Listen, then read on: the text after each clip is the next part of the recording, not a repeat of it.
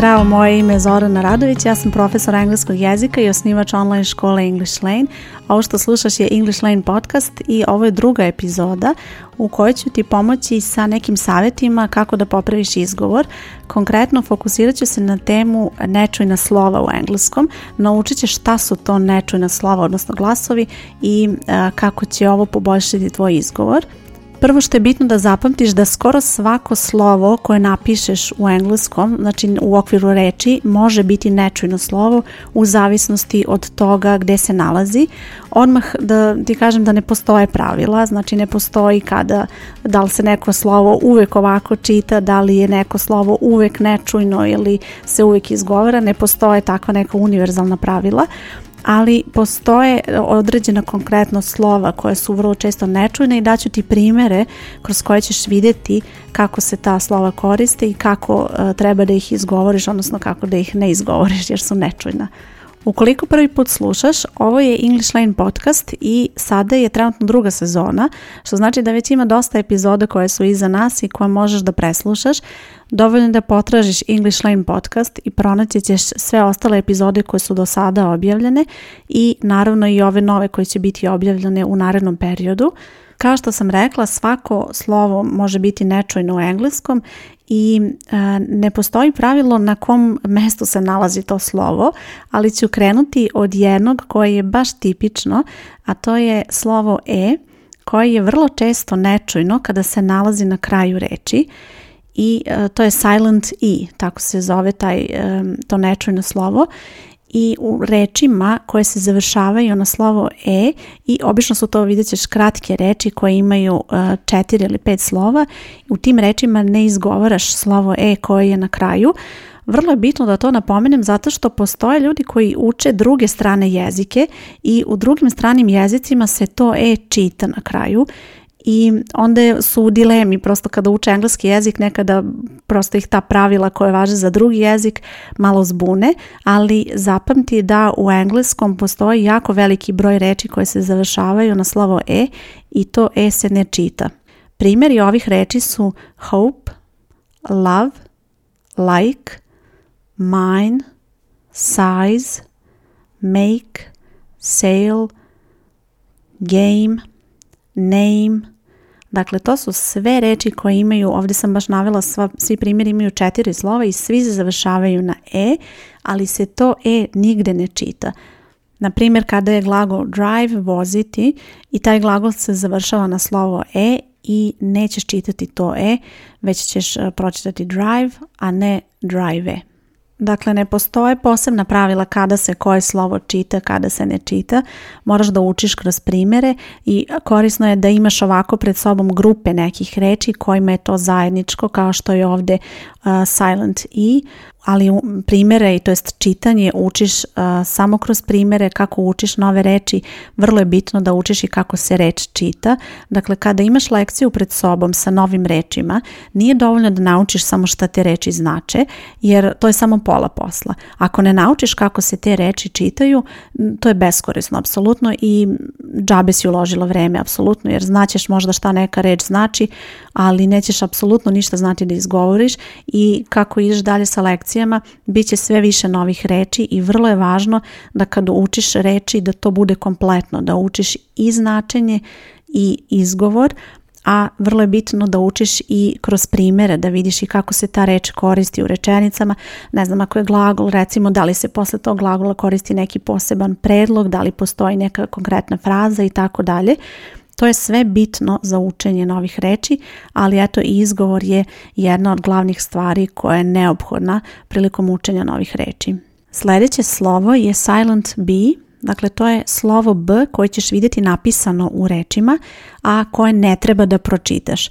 I ovo je jedno od najčešćih grešaka, dakle kada se čita neka reč na engleskom, vrlo često se čita to B, a ne treba da se pročita.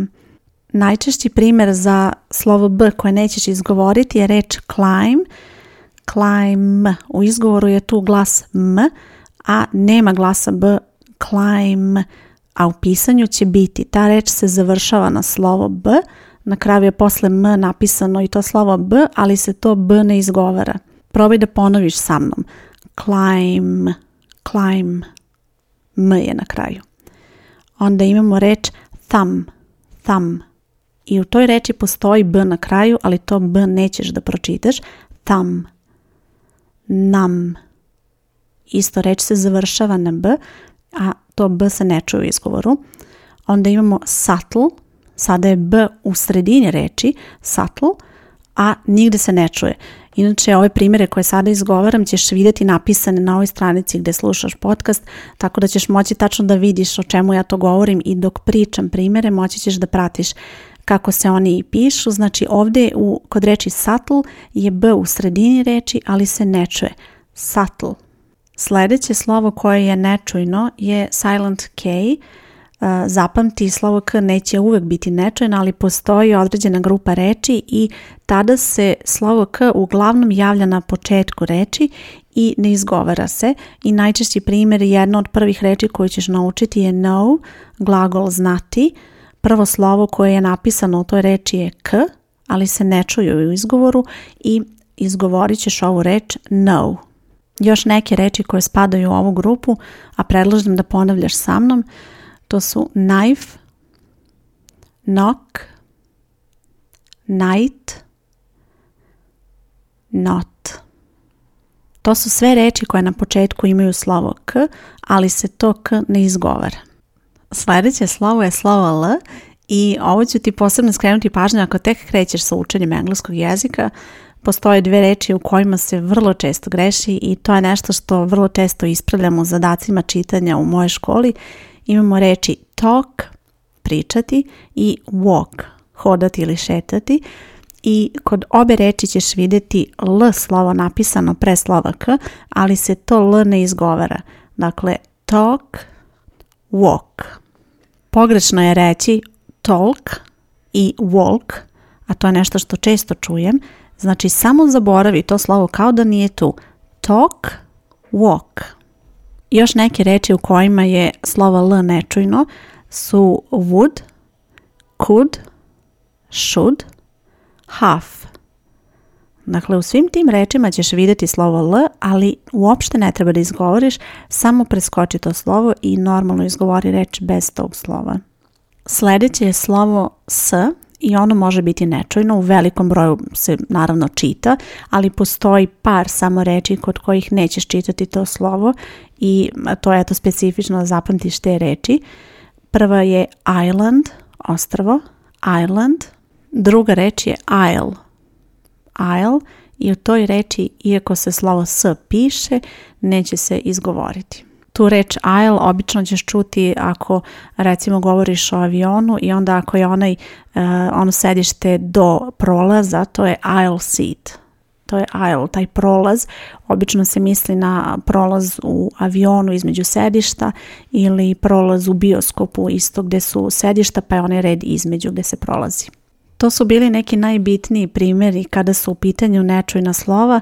Postoji još primjera i postoji još slova koja mogu biti nečujna u engleskom jeziku, ali ovo je nešto što je najbitnije da zapamtiš sada u ovom trenutku i dovoljno da te pokrene da razmišljaš o izgovoru i da razmišljaš zašto je to važno i kako ovakvi primjeri mogu pozitivno uticati na tvoj izgovor. I to je vrlo važno bez obzira na kom si trenutno nivou. Šta više, ako si sada početnik, vrlo je bitno da ovakve stvari znaš od početka i da od početka naučiš kako se reči pravilno čitaju i da je to veoma važno. Ja znam da gramatika i da učenje novih reči i to kad kažem učenje uglavnom mislim na značenje i to je ono što uglavnom svi prvo asociraju kada čuju na učenje novih reči. Znam da to zauzima veliki fokus tvog vremena, ali vrlo je bitno da vežbaš izgovor i da vežbaš čitanje, jer to je nešto što direktno utiče na to kako ćeš ti koristiti engleski jezik jezik i kako ćeš uspjeti da primjeniš sve ono što učiš. Također znam da je teško vežbati sam, teško je vežbati izgovor samostalno, ali e, vrlo je bitno da kada čitaš, čitaš na glas, to je da čitaš tako da čuješ sebe kako izgovaraš reči, ne kako misliš da bi rekla neku reč, da razmisliš o tome, već da na glas zaista kažeš ono što želiš da kažeš, da čuješ sama sebi da li je to tačno ili ne. Ja mojim polaznicima omogućavam da uče engleski preko interneta uz pomoć online platforme, ali to ne znači da su oni sami kada je u pitanju učenje izgovora i kada je u pitanju čitanje, jer oni pred sobom imaju zadatke čitanja gdje je potrebno da sebe snime kako čitaju, da to pošalju meni da ja to preslušam i takvi zadaci su odlična prilika da ja vidim koliko je ko uspeo iz koje lekcije da nauči reči, ali ne samo da nauči značenje, već i da nauči kako se te reći čitaju, a to je veoma važno. Od mene oni dobijaju povratnu informaciju kako su pročitali tekst, da li su dobro izgovorili reči, koje reči nisu dobro izgovorili, koje glasove nisu dobro izgovorili i na šta da obrate pažnju kada je u pitanju izgovor i znam da ima onih kojima je e, teško da e, krenu sa čitanjem pred drugima kad su u grupi e, i to je odličan način da izbegneš sve to jer ti svoj zadatak snimaš kod kuće samostalno, niko te ne čuje osim mene kada meni pošlješ zadatak da ja to preslušam i to je ono što je još dodatni motiv polaznicima da urade te zadatke čitanja. Ako ti to zvuči zanimljivo i ako i ti želiš da učiš na ovaj način e, preko interneta od kuće uz moju pomoć naravno, predlažem ti da pogledaš kako ti English Lane online škola može pomoći i e, šta tu ima za tebe što bi tebi odgovaralo da kreneš, odnosno da nastaviš sa učenjem engleskog jezika. Nadam se da ti je ova epizoda bila korisna. Ja sam Zorana Radović i čujemo se uskoro. Ćao!